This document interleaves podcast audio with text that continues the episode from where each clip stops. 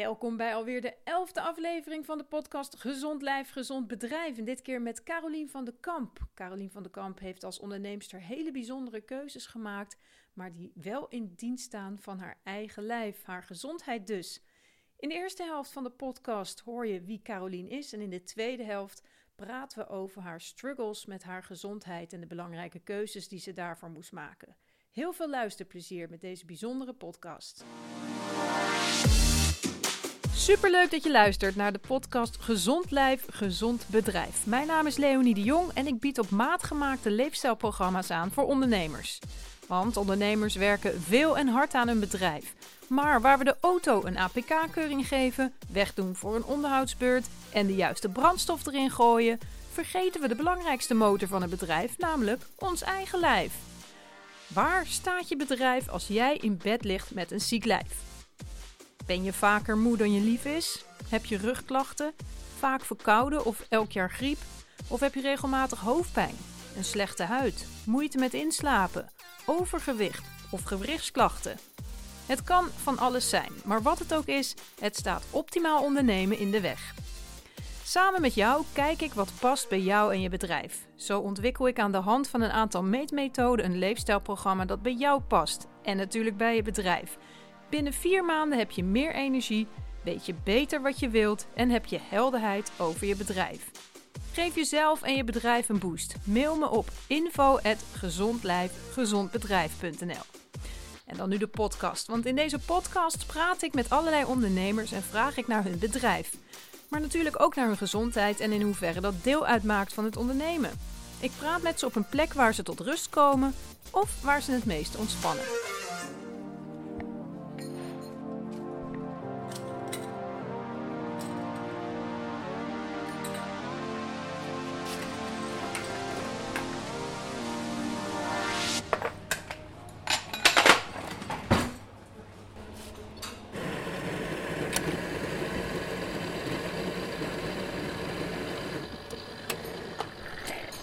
Van de Kamp, fijn dat ik uh, even met jou een uh, podcast kan opnemen. Dat je die tijd voor me neemt, heel erg leuk. Uh, we zitten hier in de dorpskamer in Ermelo. Wat is dat voor jou voor een plek?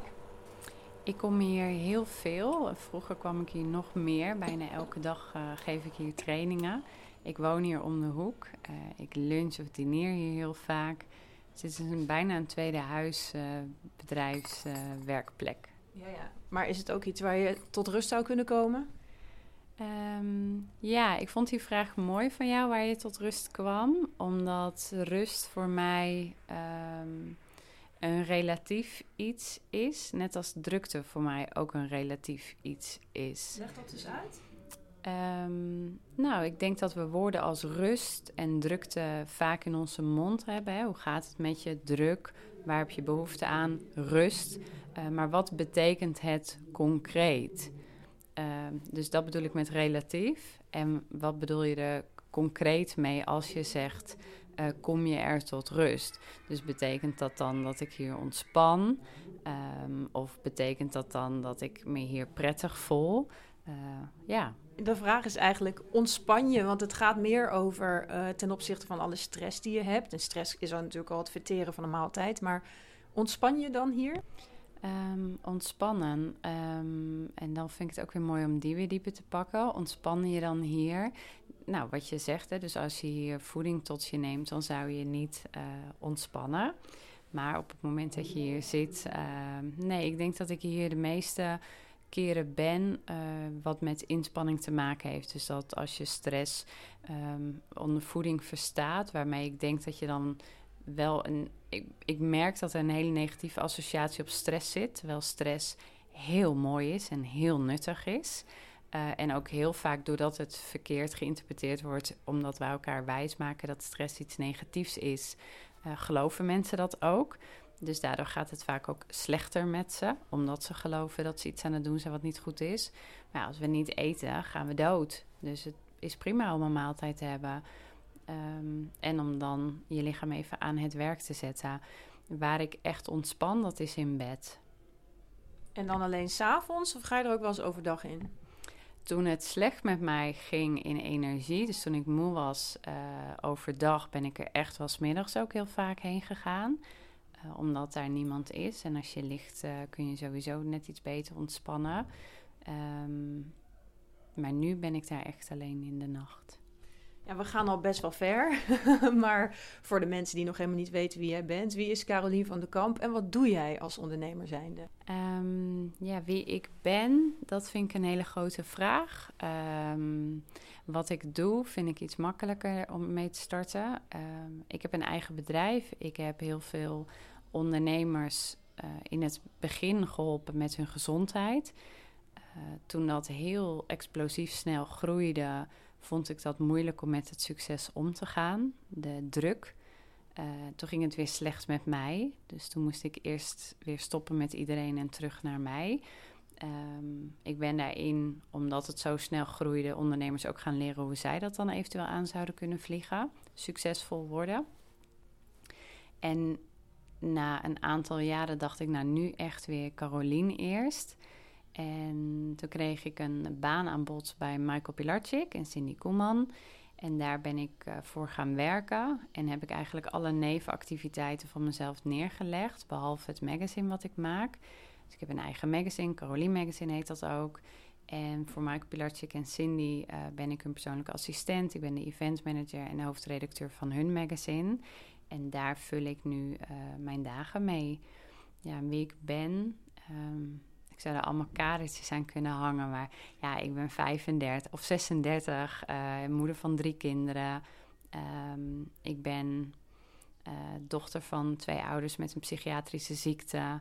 Um, maar dat zijn allemaal dingetjes waar ik me dan aan definieer bijna. Of een ander mij aan op zou hangen.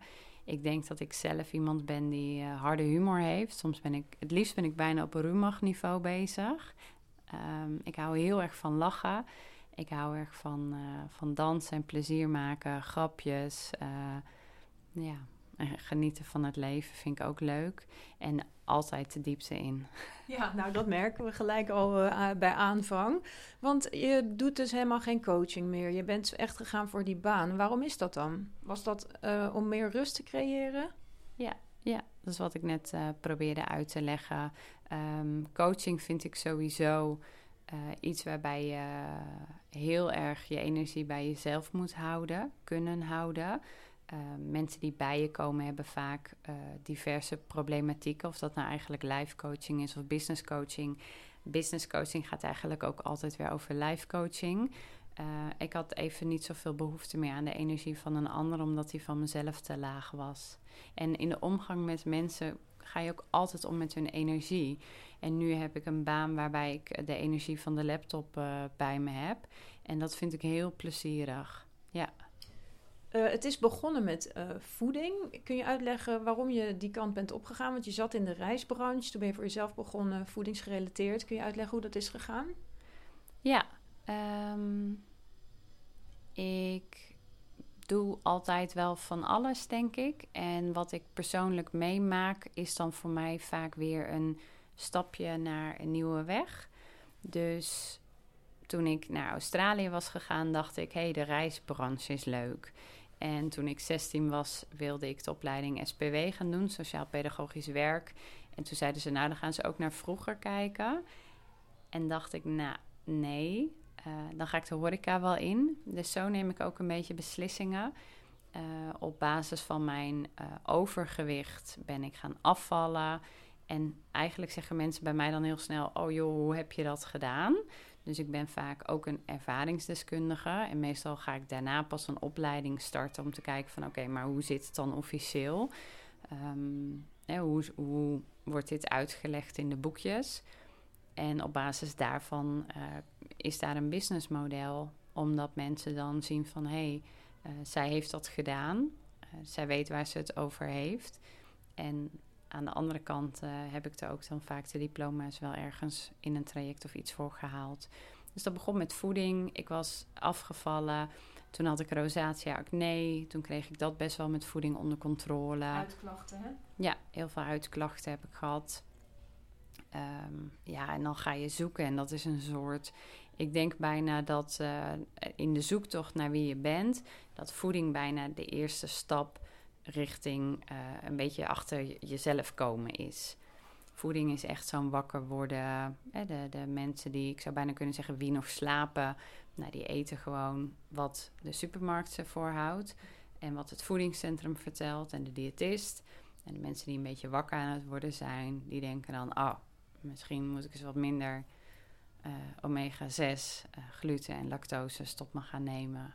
En aan het einde van de rit kom je er dan achter dat je eigenlijk ook veel beter voor uh, de hele aardbol bent. omdat je dan veel minder dieren gaat eten en veel minder zuivel nodig hebt. Dus er hoeft dan ook veel minder gestrest plaats te vinden omdat jij uh, besluit thee te gaan drinken en water te gaan drinken. Je bent als persoon ook je onderneming. Om dan met voeding en diëten bezig te zijn, moet je dat zelf ook de hele tijd prediken. Lukt dat dan ook? En dat ook leven als voorbeeld? Ja, ik vind dat een aanname die je doet. Hè. Je bent je bedrijf. Um, dat weet ik niet. Uh, het ligt er ook aan wat je daar exact mee bedoelt. Ik denk dat je. Ja, ik bedoel, jij uh, bent. Ja, je hebt misschien uh, wel personeel gehad of een team om je heen gehad, maar het begint alleen. Dus je bent de motor van je bedrijf. Zonder jou is er geen bedrijf. Ja. En daarmee is je vraag? Nou, in, en als je dan verkondigt, of je zit in de voeding, dat herken ik zelf heel erg. Uh, en het is al lastig genoeg om een dieet aan te houden. Bijvoorbeeld, hè, ik heb dan candida gehad, heb je zelf ook gehad. Uh, en dan een volwaardig leven te leiden en daar overal op te letten. En je moet dat mensen ook nog meegeven. Practice what you preach. Hoe moeilijk is dat? En voor mij is dat nu niet zo moeilijk meer als dat het in het begin was. Omdat in het begin van een onderneming er nog veel meer andere dingen bij komen kijken. Zoals de belasting, zoals de druk inderdaad van mensen die uh, iets van je vinden. Um, maar ik heb daar nooit zoveel problemen met klanten mee gehad om dan het voorbeeld te leven. Uh, wat ik veel lastiger vond was dat als je succesvol wordt met je bedrijf, wat mensen dan van je gaan vinden. Um, dat vrat veel meer aan mij uh, als een practice what you preach leven. Omdat ik al zeg, als ik iets beheers, komen mensen naar mij toe om te vragen: hey, hoe doe je dat? Want dat wil ik ook kunnen. Dus dat vind ik niet zo ingewikkeld. Dat volhouden vind ik ook niet zo ingewikkeld. En dat komt denk ik omdat ik best wel open ben en perfectionisme niet zo nastreef. Um, en op het moment dat iemand. Uh, ik, ik was veel gevoelig voor de momenten waarop mensen echt kritiek op je hadden. Ja, en dat mensen zo zwart-wit zijn om te zeggen: joh, je bent voedingscoach, eet jij een ijsje.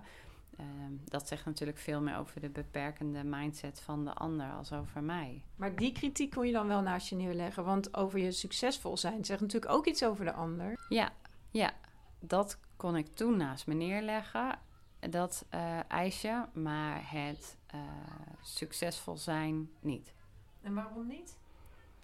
Uh, omdat je, omdat een ijsje bijvoorbeeld ging over, joh, eet je een ijsje?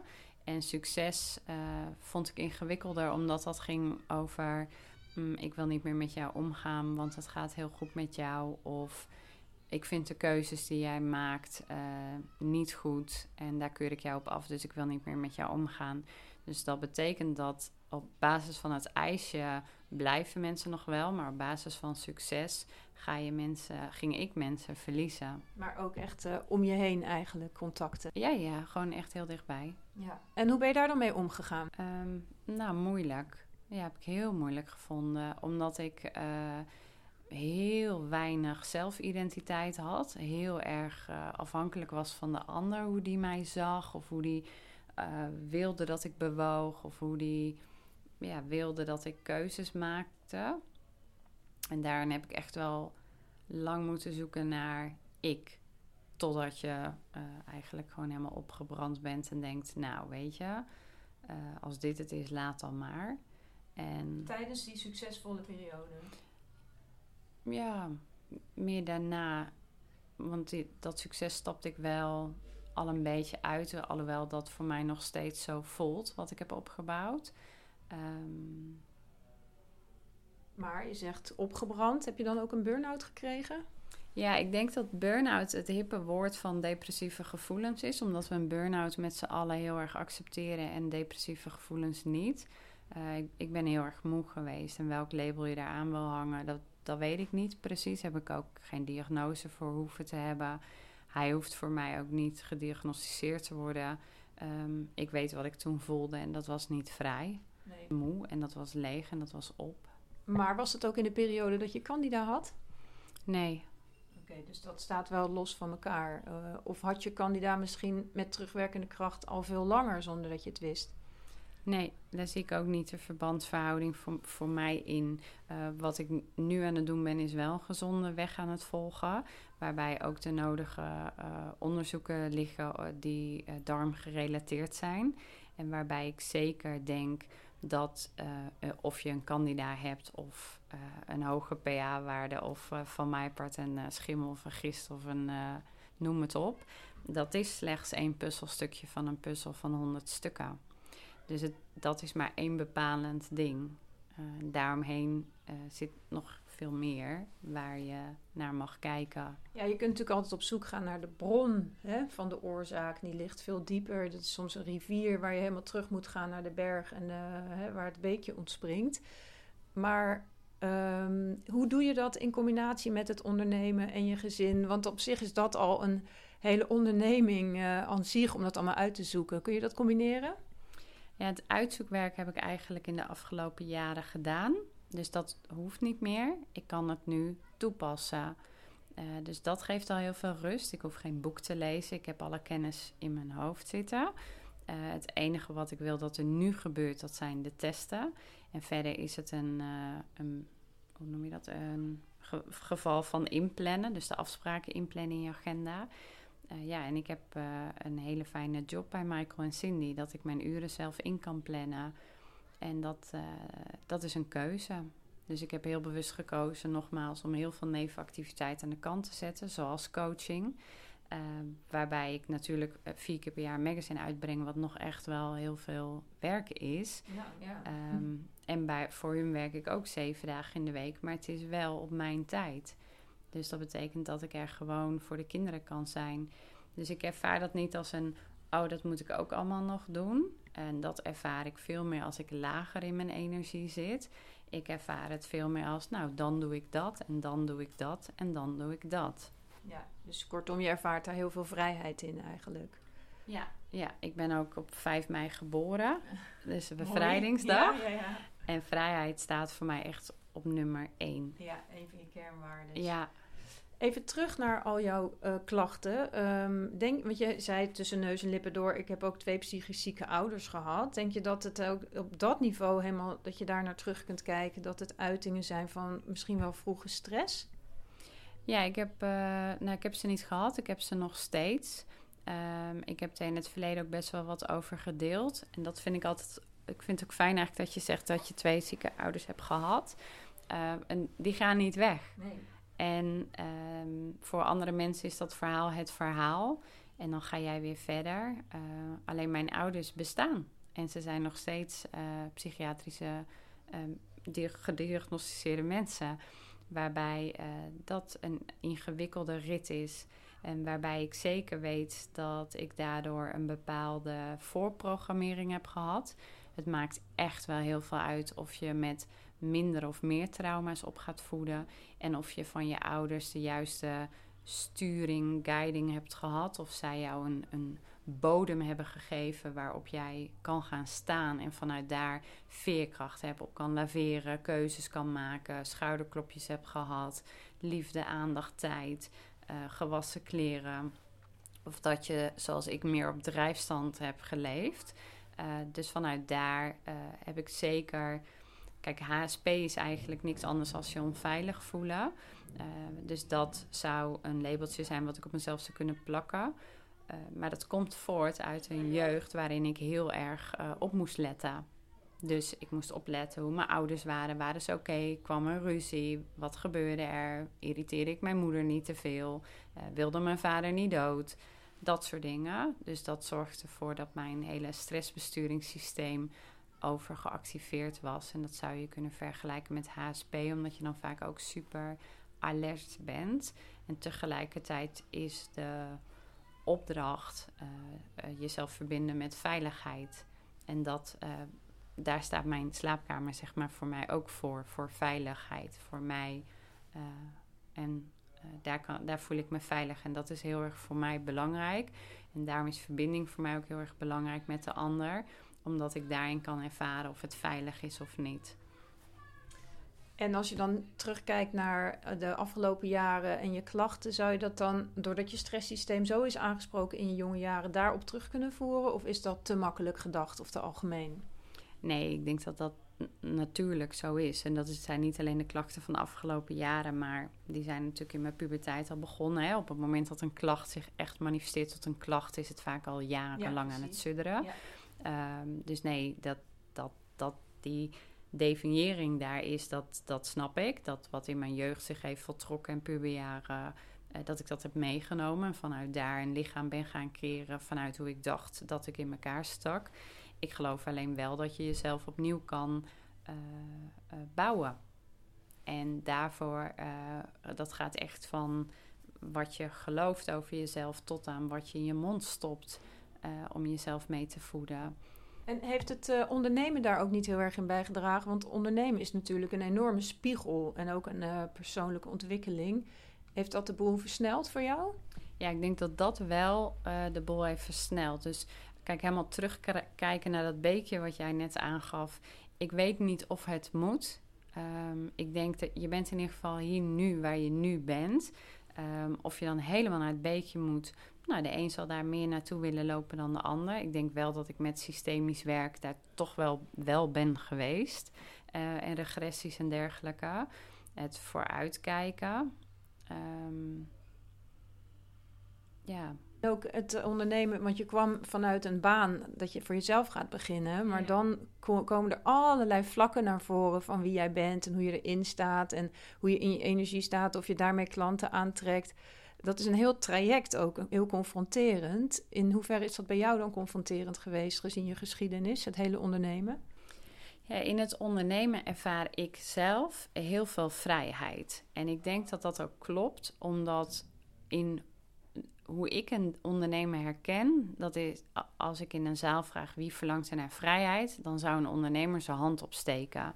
En wat ik heel erg heb gemerkt bij de vele ondernemers die ik heb begeleid, is dat er heel veel op zoek zijn naar rust. En dat is een verkeerde intentie als je het mij vraagt, uh, omdat je heel veel gaat ervaren uh, in de beginjaren, maar zeker geen rust. Uh, dat, dat mag je gaan leren inplannen en toepassen, maar dat is niet wat het je gaat bezorgen. Um, of ik. En wat was het voor jou dan? Het ondernemerschap? Ja. Ja, één groot spel. Ik vond het, het ondernemerschap vond ik fantastisch. Het omgaan met mensen, uh, wat bij het ondernemerschap komt kijken, dat vond ik van een hele andere aard. Wat je zegt uh, met betrekking tot teamleden, maar ook met betrekking tot klanten. Um, het is wel yin en yang, want als je een baan hebt, heb je ook wel eens klanten dat je denkt, Jezus. En dat heb je met, uh, had ik in ieder geval met ondernemerschap ook. Uh, sommige klanten vond ik echt waanzinnig ingewikkeld. Dat ik echt dacht, ga alsjeblieft naar mijn concurrent. Um, ik hoef je in ieder geval echt niet. In het begin ben je meer een allespleaser omdat je het geld nodig hebt. Uh, en gelukkig kun je daar gaandeweg keuzes in maken. Althans, dat deed ik. Uh, dat als ik niet een klik had met een klant, ik het geld terugstort en zij nog gelukkig leven en zoek iemand anders op. Um, datzelfde geldt voor teamleden. Daar heb ik ook uh, keuzes in gemaakt. Uh, ook dat, nog klanten, nog teamleden vind ik heel ingewikkeld. De, de verbindingen die ik had met hem, niet heel ingewikkeld. De verbindingen had die, met de mensen die mij dierbaar zijn. Uh, en dat, dat je die achter je moest laten, dat vond ik gewoon het meest moeilijke. Maar omdat je zei van ik zoek ook naar veiligheid, was je basishouding dan ook niet wantrouwen, waardoor het lastig was met klanten en personeel?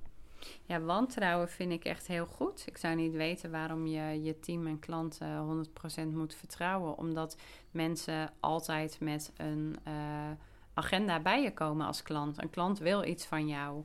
En uh, dat is ook goed. En teamleden willen ook iets van jou. En dat is dat jij ze aanstuurt. Uh, en de directrice van jouw bedrijf bent. Dus uh, wantrouwen, en daarin kun je heel veel vertrouwen hebben, maar wantrouwen, ja, ik vind dat niet zo. Er is gewoon een hiërarchie aan de hand. Uh, ingewikkelder is het niet. Maar dat is voor mij anders uh, in mijn privéleven. Ja, maar vanuit uh, wantrouwen of vertrouwen opereren. Want tuurlijk willen mensen wat van je, maar dan kun je erop vertrouwen dat het goed komt of dat je in je eigen kracht staat. Of werkt dat bij jou niet zo? Nee, ik denk dat dat nog gechanceerd is wat je zegt. Um, want een personeelslid of een klant kan ik het vertrouwen geven dat hij het gaat doen. Maar het vraagt nog steeds van mij een bepaalde alertheid. En vertrouwen is een hele mooie kwaliteit. De valkuil van vertrouwen is naïviteit. Dat probeer ik meer uit te leggen. Dat als je naïef vertrouwen hebt dat een personeelslid zijn werk doet, dan ben je eigenlijk nog een beetje een bleuwe CEO. want personeel uh, staat onbekend dat ze bij de koffiezetautomaat staan te klagen.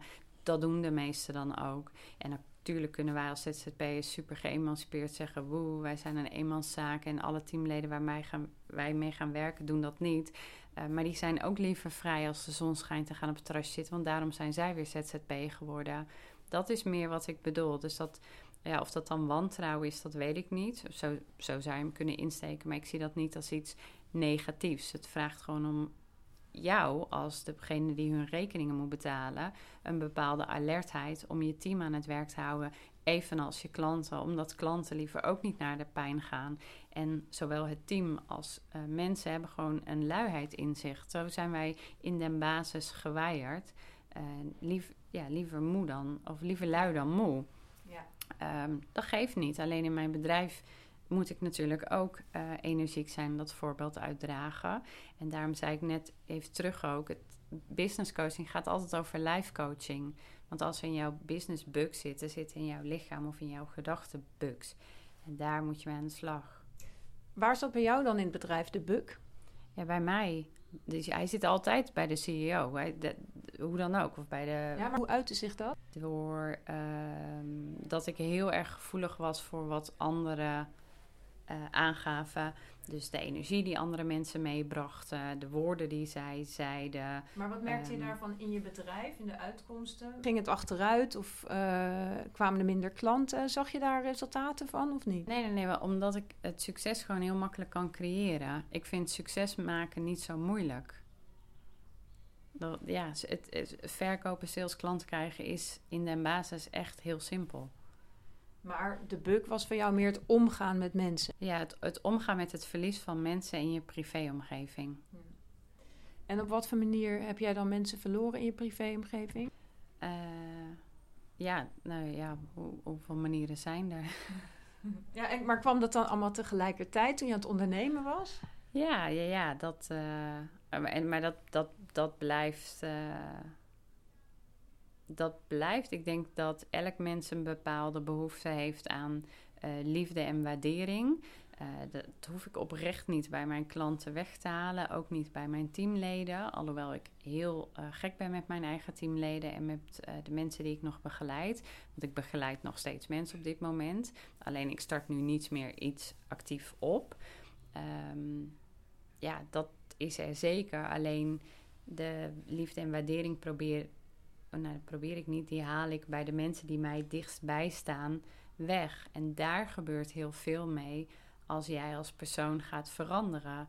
En een bedrijf verandert een mens vaak omdat je anders met je tijd om moet gaan, omdat je meer verantwoordelijkheden krijgt, uh, omdat je geld moet gaan vragen voor adviezen die je anders altijd gratis gaf.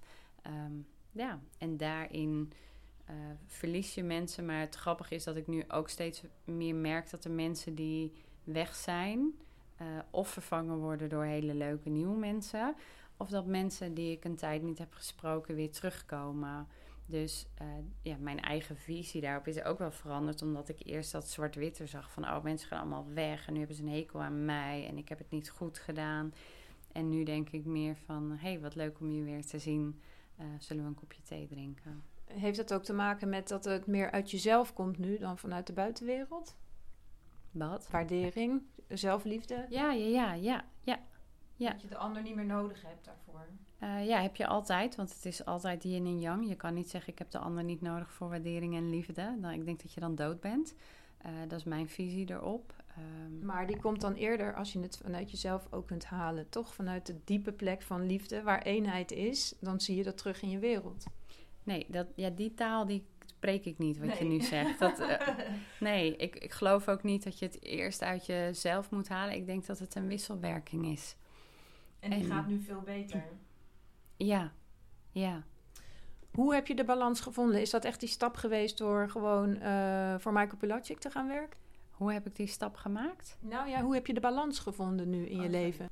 Um, ja, balans is dus ook een woord die ik uh, rust, balans zijn ben. de balans, de balans. Ik denk wel dat als ik zou uh, zeggen, heb ik een leven wat in balans is, dat ik dat nu zo ervaar. Dat voel ik ook echt zo. Um, en waar zit hem dat in? Dat ik echt op een dag doe wat goed voor mij is. Dus dat betekent dat ik opsta en water drink. Dat ik vanmorgen de kinderen lekker even iets langer laat slapen omdat het de avondvierdaagse is. Dat ik hun dan liefdevol help in plaats van erachter zitten. We moeten opschieten. Gewoon in liefde. Dat ik even een fietsje buiten zet of een broodje extra smeer. Um, rustig rij. Uh, ze een fijne dag wensen. Um, dat daarna iemand komt om een bindweefselmassage bij me te doen. Uh, dat mijn benen mooi worden. Dat ik al, ik weet niet of ik hem net zei, met een halve liter water op heb. Alleen nog koffie heb gedronken. Uh, dat ik de mail al heb gedaan. Wat werkzaamheden al heb gedaan. Uh, bij Michael en Cindy. dat en dat ik hier nu met jou zit. Ik denk daar heel bewust over na. Of ik hier wel of geen tijd en ruimte voor maak. Nou, om kwart over twaalf zijn de kinderen vrij. Dan kan ik hun ophalen. Het is woensdag. Dan zijn zij vanmiddag vrij. Um, ik haal ze eigenlijk altijd tussen de middag op en om half vier. En dan ben ik er. En ik ben er nu in een variant die ik waardeer. Dus ik, ik ben nu ontspannen bij ze. En hoe heb je dat bereikt? Want dat willen alle ouders en zeker alle werkende en ondernemende ouders wel weten. Hoe doe je dat? Waar zit die knop? Nou, wat, wat misschien een knop is nu je dit zo zegt, dat is als je erger hebt gehad, waardeer je minder. Um, dus ja, dat is misschien wat ze zeggen. Als het donker er niet is, kun je het licht niet zien. Misschien is dat. Um, ik heb heel veel en heel hard gewerkt. En ik herken niet zoveel mensen die heel veel en heel hard hebben gewerkt. Ik zeg ook niet dat het goed is, helemaal niet. Maar als je heel veel en heel hard hebt gewerkt, dan waardeer je uh, misschien het leven wat ik nu leef meer. dus ik werk zeven dagen per week en ik ben zeven dagen per week vrij. Zo zie ik dat gewoon en voor mij is dat in balans. Ik heb ook in de horeca 14 uur per dag gewerkt. Uh, dat was dan vijf of zes dagen per week. Dat was niet in balans. Maar dan had ik eigenlijk één of twee dagen vrij. Snap je het verschil? Ja. Dus nu kan ik doen uh, wat ik wil. En als ik, uh, ik kan op zaterdag om zes uur de laptop aanstarten of opstarten, maar ik kan hem ook uh, s'avonds om tien uur even aanzetten. Het is voor mij geen moeite, maar ergens in de dag doe ik dat. Maar ik hoef niet de balans ehm, te houden omdat ik vijf dagen in de week acht uur werk en dan er twee vrij ben of zo. Die, die wereld bestaat voor mij niet meer, maar die heeft wel bestaan. En ik denk dat ik daarom heel blij ben met wat er nu is. En mijn man is bijvoorbeeld twee jaar uh, thuis geweest. Uh, wat want ik zei, ik wil carrière maken. Volgens mij heb ik heel veel kans om dit succesvol te doen laten slagen. Hij is twee jaar thuis geweest. Ik vond het echt helemaal niks. Helemaal kut. Dus dat hij thuis was? Ja, oh, waarom? Ja, nou, gaat me doen, zeg maar. Wat denk je zelf? Nou, nee, in het begin was het natuurlijk helemaal Nou, je kunt ook denken van, uh, dan is er een hoop geregeld. Dus dat er een hoop uh, wat je kan afvinken wordt gedaan. Ja, en dan kom je weer in andere rolpatronen. Van ja, een vrouw doet het toch altijd beter. Een vrouw, de standaard ligt anders. Maar hé, hey, wat vind ik er eigenlijk van dat mijn hele moederenergie verdwijnt? Want uh, hij doet de kinderen, hè, want, jij wil het succes. Dus doordat dat er is geweest uh, en ik helemaal voor mijn bedrijf mocht gaan, waardeer ik nu onwijs dat ik de kinderen naar school mag brengen. En dat is misschien wel van hoe doe je dat? Nou, ga maar eens doen wat jij denkt dat je wilt doen. En dan kom je er wel achter hoe mooi het leven is wat je nu misschien leeft. Maar dat waardeer je niet, omdat je denkt dat het anders of beter of groter of en je, je leert er ook van als je radicaal anders gaat. Dus laat je man dan maar stoppen met zijn baan. Ga het maar doen. Je zegt toch dat je het kan? Nou, ga maar doen dan. Zo eens kijken of je jezelf kan motiveren als ondernemer om uh, vijf dagen in de week uh, je bedrijf aan te sturen en niet meer voor de kinderen te zijn. Uh, ja, van luizen, pluizen tot aan tractaties te missen. Ga maar doen. Ja, nou ja. Daar zijn er niet heel veel van natuurlijk. Was jij de enige op school? Geen idee. Dat zegt natuurlijk ook heel veel over mijn schoolmoeder. Je was er niet. Nee. nee, en dat is ook een plek waar ik niet uh, heel graag wil zijn. Er zijn een aantal moeders uh, waar ik me fijn bij voel. Gisteren zag ik daar nog een mooi voorbeeldje van uh, in een filmpje. dat gaat over het aanvoelen van energie dat een ree niet naar een leeuw loopt om te kijken hoe de energie van de leeuw is. Die voelt vanuit de golven dat hij daar niet moet zijn. Hè? Bad energy voor de ree. Uh, nou, dat geldt voor mij ook uh, bij school. Uh, voor mij is dat heel erg de oude wereld nog en zijn patronen. ja, ik kan het bijna zeggen als de nieuwskijkende, knorbakkende ja, leeuwen, zeg ja, maar. Ja. Uh, waar, uh, waar ik niet oké mee ben en zij zijn ook niet oké met mij. Dus ik, we hoeven elkaar gewoon niet op te zoeken. Ik ken Ermelo verder niet hoor. Uh, ben je dan niet ook een beetje een pionier hier in Ermelo? Uh, de manier waarop jij denkt en leeft? Ja, dat is dus ook het hele probleem. Waarom ik zeg dat ik iedereen ben verloren. Omdat, nou, er zijn zeker vrouwen in Ermelo waar ik soms berichtjes van krijg die zeggen: Nou, ik vind het echt super tof wat jij doet. Uh, ja, en er zijn ook heel veel mensen die het heel erg ingewikkeld vinden wat ik doe. Dus daar blijven er niet zoveel van over. En dat is oké. Ja. Even naar jouw magazine, want dat komt dan vier keer per jaar uit, zeg je tussen neus en lippen door. Dat heet ook gewoon Carolien. En wat kunnen de mensen lezen in jouw magazine?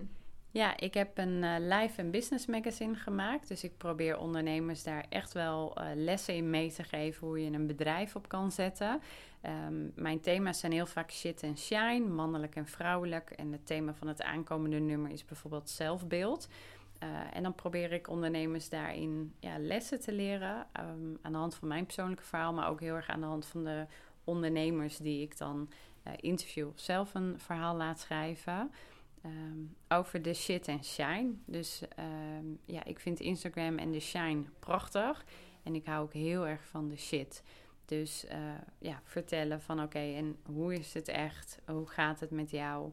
Um, wat vind je lastig en hoe kun je beter voor jou gaan zorgen? Maar ook uh, gewoon keihard, uh, hoe kun je een ton nou om gaan zetten?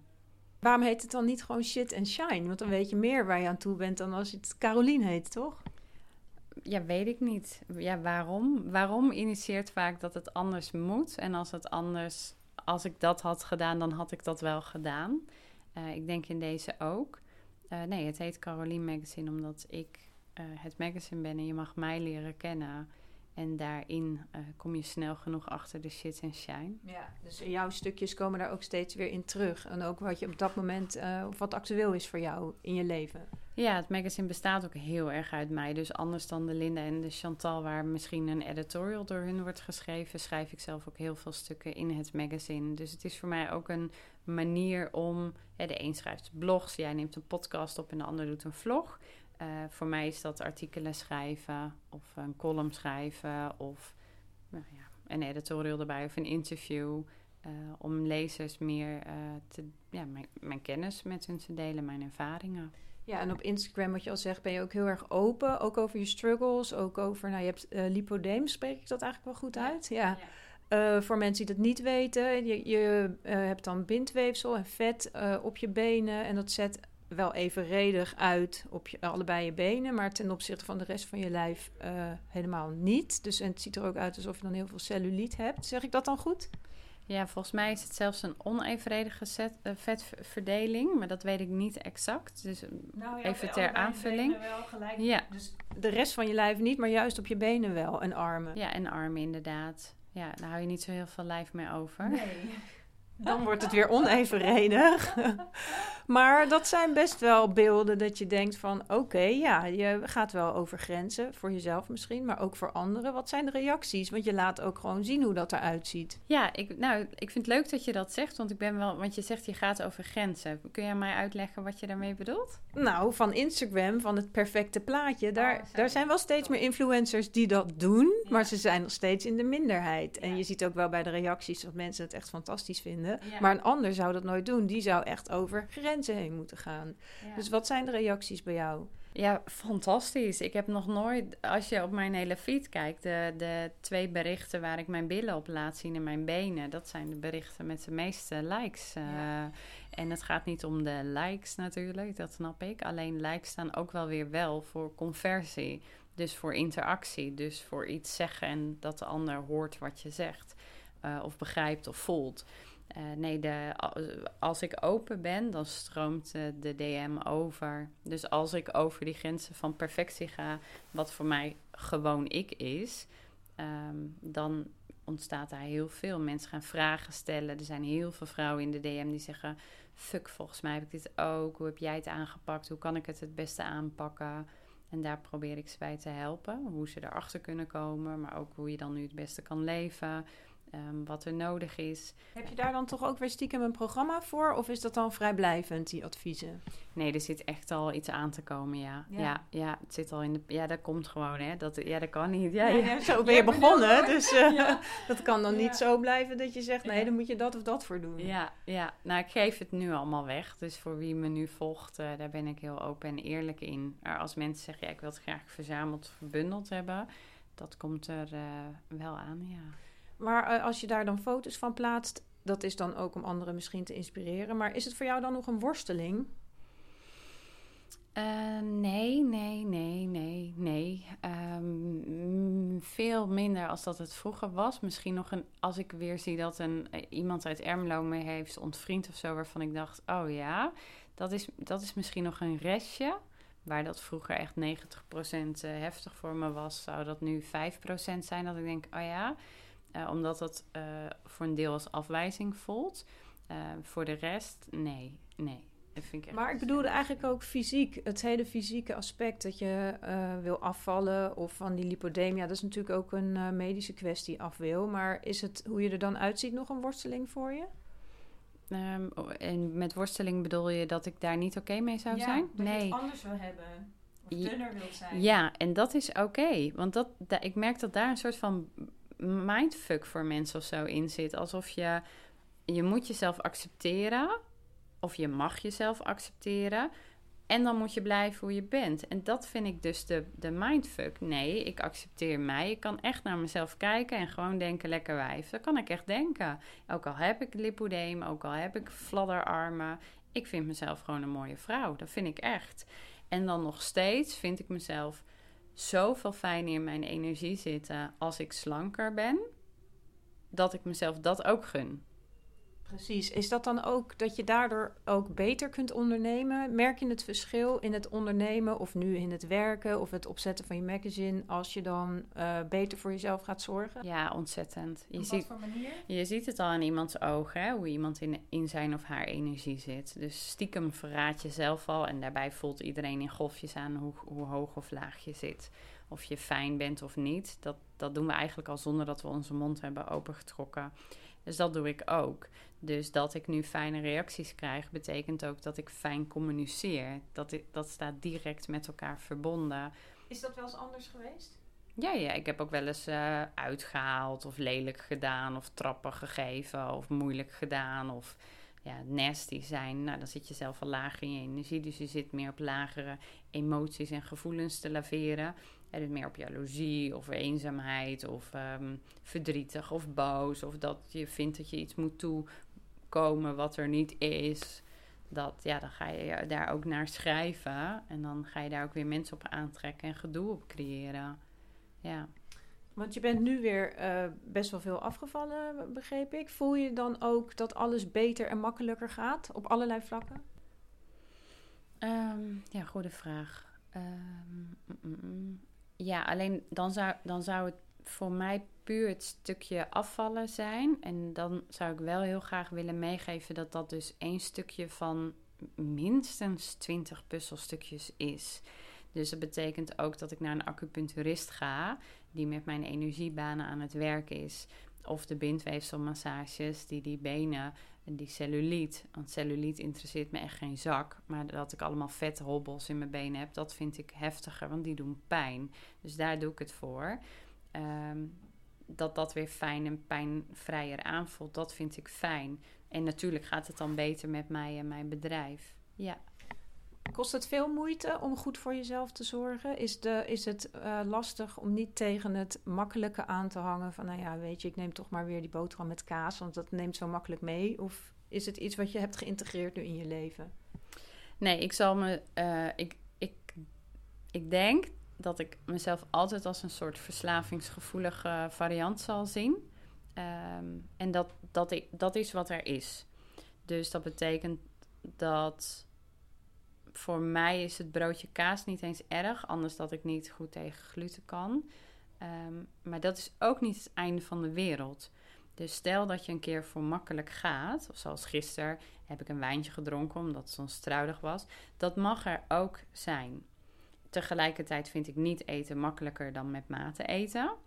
Uh, en in het begin vond ik het heel moeilijk om afstand te nemen van alle dingen waar ik verslaafd aan was. En dan kun je aan een sigaret denken, maar dat was voor mij ook koffie verkeerd. Dat vond ik echt super lekker. Um, lactose, nou, dat moest allemaal de deur uit. En dat vond ik in het begin, als je laag in je energie zit, kost dat energie om mee te stoppen. Want je moet door een detox heen. Hè? Je moet, en dan ben je niet vrij. En dan wil je eigenlijk de hele tijd teruggrijpen naar waar je was. En je, je moet, als je het gaat doen, door die detox heen. En dat wist ik. En voor mij hielp gewoon de diagnose lipodeem. Want ik dacht, ja, daar ga ik dus zo niet heen. Dat ga, dat, het gaat me niet gebeuren. Ik ga je aan van genezen. Het interesseert me geen reet dat iedereen zegt dat het niet kan. En anders kom ik wel uit op de meest gezonde versie van mezelf. Dus dat gaf mij weer de kracht om het te gaan echt aan te gaan pakken. Maar het begin van het jaar geeft me ook altijd kracht als de lente komt. Vind ik echt een hele fijne tijd. Dan kan ik weer lekker buiten gaan lopen. Dan vind ik de energie gewoon ook prettiger aanvoelen. Um, en het is, het is niet makkelijk. Ik heb ook jaren van heel veel uh, struggles achter de rug. Uh, met mijn ouders daar afstand van nemen. Met mijn zussen daar geen begrip voor. Dan ging ik voor mijn onderneming en mijn succes. Toen werd ik met kerst niet uitgenodigd door mijn familie. Want ik was zo druk met mezelf. Um, ja, in mijn huwelijk heb ik heel veel meegemaakt. Uh, ik heb besloten om over drie weken ga ik op mezelf wonen. Dat zijn allemaal keuzes uh, waar je doorheen struggelt en worstelt, die allemaal aan die puzzel bijdragen. Waarbij je dan op een gegeven moment zegt: Fuck, ik voel mezelf echt beter als mens. Maar dat ik daarvoor een heftige, hobbelige weg heb afgelegd. Ja, en de kilo's zijn eigenlijk het cadeautje van, van al het werk wat ik hiervoor heb gedaan. En wat bedoel je daarmee? Met het cadeautje of het werk? De kilo's? De kilo's zijn het cadeautje. Wat ik daarmee bedoel is mm, dat, ik, dat ik gezond weer word en mezelf genees. Ja, je bedoelt de kilo's eraf uh, in de weg hier naar waar je naartoe wil gaan. Want waar wil je eindigen? Of waar wil je eindigen? Waar, waar, wil je naartoe dan nu? Ja, de toekomst vind ik nog een grote. Net als dat het verleden veel is, vind ik de toekomst vaak ook veel. Um, ik geloof heel erg in nu aanvoelen wat voor mij nu goede keuzes zijn. En op basis daarvan schakel ik. Ik heb bijvoorbeeld nooit een ambitie gehad om voor Michael te werken. Maar toen Cindy opbelde en uh, het een en ander aangaf, heb ik die kans wel gepakt. Heeft nooit op een moodboard gestaan. Um, alleen ik vind het fantastisch dat het er is. Ik leer er heel veel van en ik geniet er ook heel erg van. Dus de toekomst, wat de toekomst brengen mogen, dat weet ik niet exact. Dat hoef, ik ben ook gewoon niet een lange termijn kijker. Uh, maar wat er nu is, dat klopt precies. En terwijl er nog zoveel voor, voor je ligt, want je zit nu best wel in een hele onzekere fase. Maar dan heb je toch eigenlijk al het ultieme bereikt om vanuit deze, vanuit deze kracht en vanuit jezelf zo rustig te zijn. Eigenlijk zit je in, de, in, de, in het midden van de storm. Hoe noem je dat? De draaikolk. Ja, ik kijk op het moment dat jij zegt van je zit in een onzekere tijd, dan weet ik niet wat je bedoelt. Nou, omdat je zegt ik heb besloten om over drie weken op mezelf te gaan wonen. Dat is als je een gezin hebt toch best onzeker of ervaar je dat niet zo? Nee, het is ook in de, fijn dat je dat zegt, omdat dat een aanname is die ook heel veel wordt gedaan. Dat vind ik ook... Uh, uh, bijzonder om dus mee te maken. Uh, dus ik zit inderdaad in een draaikolk misschien wel. Alleen ik en de kinderen en zelfs mijn man, uh, wij kijken er echt naar uit. De kinderen hebben heel veel zin in het nieuwe huis. Ik heb er zin in. Het betekent wel er eerlijk gezegd bij te hebben dat we een jaar van rouw. want ik heb vorig jaar aangegeven van oké, dit werkt echt niet meer. Eh, dus we hebben een, een hele heftige tijd achter de rug. Maar die is al achter de Die rug. is al geweest, oké. Dus ik ben oké, de kinderen zijn oké, we hebben er echt heel veel zin in. En ik merk dat, nou ja, soms de buitenwereld daar nog wel van, oh, eh, onzekere tijd of heftige tijd. Of gaan de kinderen met jou mee of zo. Dat, die vragen herken ik niet zo, omdat dat nu niet speelt. Nee. Vorig jaar, als je vorig jaar had gezegd van, oh, dit is een onzekere tijd. Ja, dat was een onzekere tijd. Maar dit voor mij is echt gewoon rust en vertrouwen. En ja. Toch het woordje rust. Ja, hè? Heb je hem? Ja. Vanuit mijn eigen expertise wat betreft Candida, wil ik toch nog even bij jou wat erover vragen. Ehm, hoe kwam je erachter dat je het had en hoe heb je het aangepakt? Ik ben bij een darmtherapeut geweest, een jaar of vier geleden, denk ik al. Toen had ik ook best wel veel huidklachten. En toen was ik daar ook nog heel erg op gefocust, op de rosacea acne-diagnose die ik toen had. En toen heb ik een darmonderzoek laten doen, een ontlastingsonderzoek. En daar kwam Candida eh albicans. Ja, het- albicans, Ja, albicans. Kansloos. Ik zeg gewoon altijd alleen maar kandidaten. Ja. Ja. Men- je moet het toch wel uitleggen. Maar voor de mensen die luisteren en het niet weten, het is een gistinfectie. En eh, we hebben allemaal die gist, maar die kan zich omvormen tot een schimmel. En dan krijg je allerlei klachten. Nou, die Ja. heb ik dus zelf ook gehad. Maar wat waren bij jou de klachten? Ja, dat was voor, acne dan? Ja. ehm, nou, de acne was voor mij gewoon eh, de vervelendste. Mijn huid zag er echt uit alsof ik zwaar verbrand was. En ik denk dat ik echt wel 300 puist op mijn gezicht had. Dus, dus dat was het voor mij. En natuurlijk had ik ook eh, wat meer PMS-klachten. Maar ja, aan de andere kant, ik heb lipodeem, dus ook meer oestrogeendominantie. Dus dat kan daar ook vandaan komen. Eh, zeker last van mijn darmen heb ik gehad. Ehm, ja, En hoe ben je er toen mee omgegaan? Ik vond dat toen heel heftig. Want die detoxperiode toen ingaan en afscheid nemen van alles wat me lief was, vond ik lastig. Ik heb toen wel, omdat ik 90 dagen als coach voor een team moest werken die glutenvrij gingen, ook 90 dagen glutenvrij gedaan.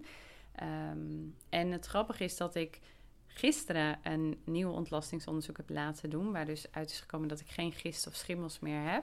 Ah, maar dat is goed nieuws. Ja, hè? ja dat vond ik dus ook. ja, het kan je het- ja, even voor de mensen die het niet herkennen, maar het kan je leven zo in, in beslag nemen, omdat het maar niet weggaat, omdat het zo lastig is. Maar gefeliciteerd. Ja, nee, het is eigenlijk echt gewoon felicitatie waard. Ja, er waren nog wel wat dingen waar ik wel aandacht aan moest besteden, maar...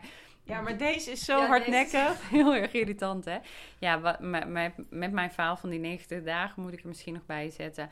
Bij Candida moet je, dat is mijn ervaring, hè? Jij bent expert. eh, echt suikervrij gaan even. Het is een soort suikermonster waar je het tegen opneemt, in hoeverre ik het heb eh, begrepen. Eh, en dat heb ik geprobeerd om te doen. Dus echt eh 30 dagen gewoon helemaal niks. Ik ben ook gaan detoxen, darmspoelingen heb ik gehad. Eh, probiotica genomen, die darmen weer opbouwen. Eh, ja, daarna is het toch nog wel het een en ander weer in die darmflora gebeurd. Omdat stress bijvoorbeeld ook zo van invloed is op die eh, darmflora.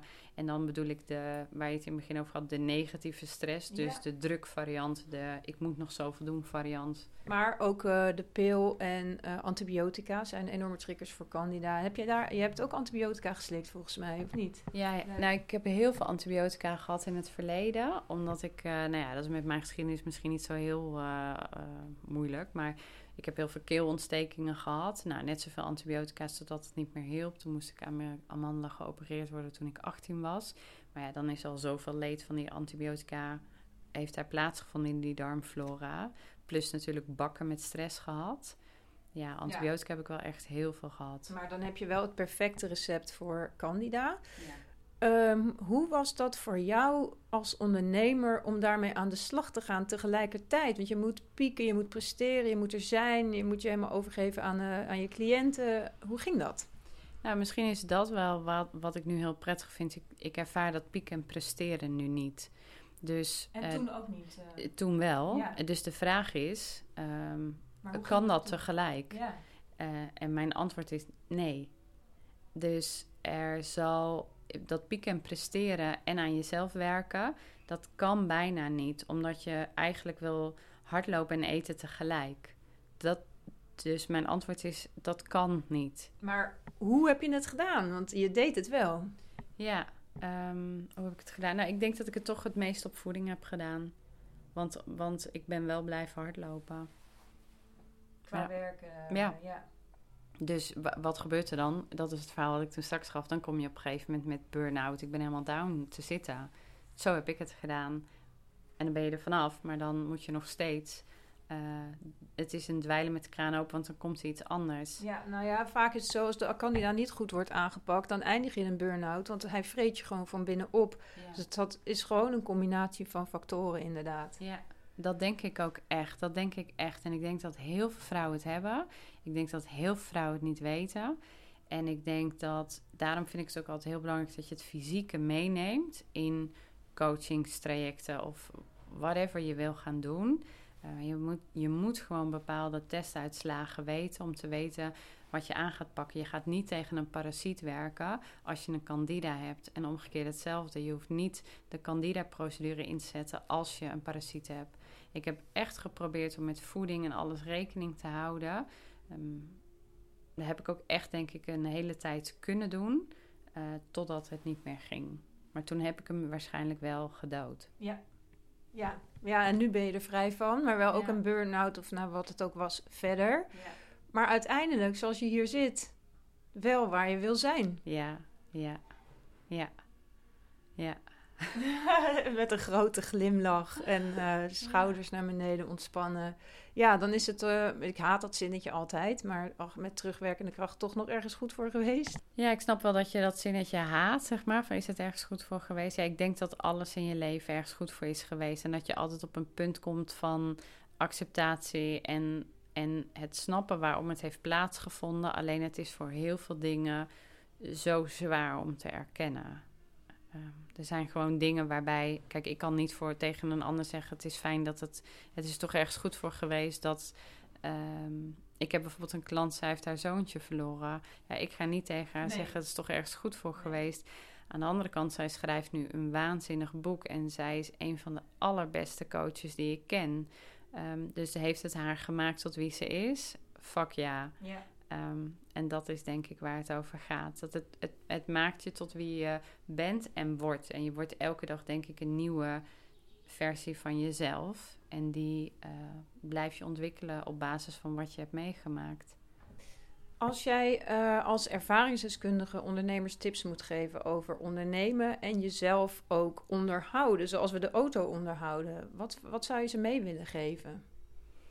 Ehm, om te kijken of je ondernemen vanuit de goede intentie start. En voor mij is dat echt wil je rust. Ehm, eh, zou een parttime baan dan niet veel lekkerder voor je zijn, die drie dagen? Of misschien wel twee dagen in loondienst en één dag een beetje vreubelen. Ehm, leer jezelf te worden en te zijn. Dus ehm, kun jij zelf initiatieven nemen of ben je nog zo gewaaid dat je constant van anderen afhankelijk bent? Dat was ik ook. Ik denk dat we dat op school ook heel erg leren. Luisteren naar de leraar. Eh, als werknemer luisteren naar de werkgever. Luisteren naar de manager. Luisteren naar de supervisor. Eh, en wie ben jij dan? Dus je stort in een soort van identiteitscrisis. En ga op zoek naar jouw DNA, naar jouw profiel, naar jouw leiderschapskwaliteiten. Naar jij die bepaalt hoe jouw dag mag verlopen.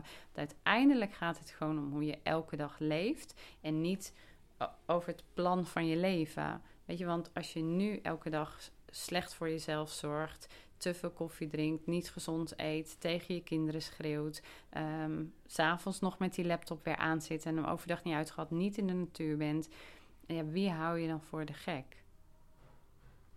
Mooi. Ja, ik ga, ga op zoek naar jou en ga, ga, ga gewoon inbouwen hoe dan wel. En, en kies daarvoor. En weet dat als je doodmoe bent, dat dat heel moeilijk is om te doen. Weet dan gewoon, oké, ik, ik ga stoppen met al die verslavingsshit. En ik moet gaan voelen wat ik dan allemaal voel. En dat gaat heftig worden, maar ik ga het wel doen. En, en, en het zinnetje van wat is de ergste, het ergste wat kan gebeuren, is ook zo'n dooddoener. Maar hij is wel van toepassing. Want als je morgen dood bent, gaat deze hele aardbol gewoon keihard verder. Hè? Ja. En er zullen een handvol mensen je missen, maar we gaan met z'n allen keihard verder. Dus je doet het echt voor jou. Voor jouw lijf, voor jouw geest, voor jou wat jij hier komt te doen. Ja. En uh, voor jouzelf, je zegt nu, je, hè, we hebben het er al een paar keer over gehad, je werkt voor Michael Pilacic, maar er komt dus ook wat aan voor mensen met lipodeem. Waar kunnen mensen nog steeds voor jou, bij jou voor terecht? Alles staat op mijn website, carolienvandekamp.nl. En daar uh, deel ik ook de podcast op als ik die met mensen opneem. Of uh, de magazines kun je daar allemaal nog kopen. Nou, wat er is, dat staat daar. Maar dat betekent dus ook dat je er nog steeds bent voor mensen die een magazine willen maken of een uh, website, hè? Want dat staat er ook op. Ja, ik ben er nog steeds. Ik ben er niet op de voorgrond in een lancering. Dus dat is wat er is. Ik ben er.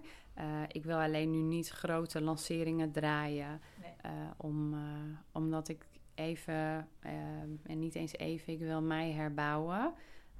en op het moment dat ik voel dat ik met twee poten op de grond helemaal geaard sta en er ben, dan ga ik zo'n lancering weer in.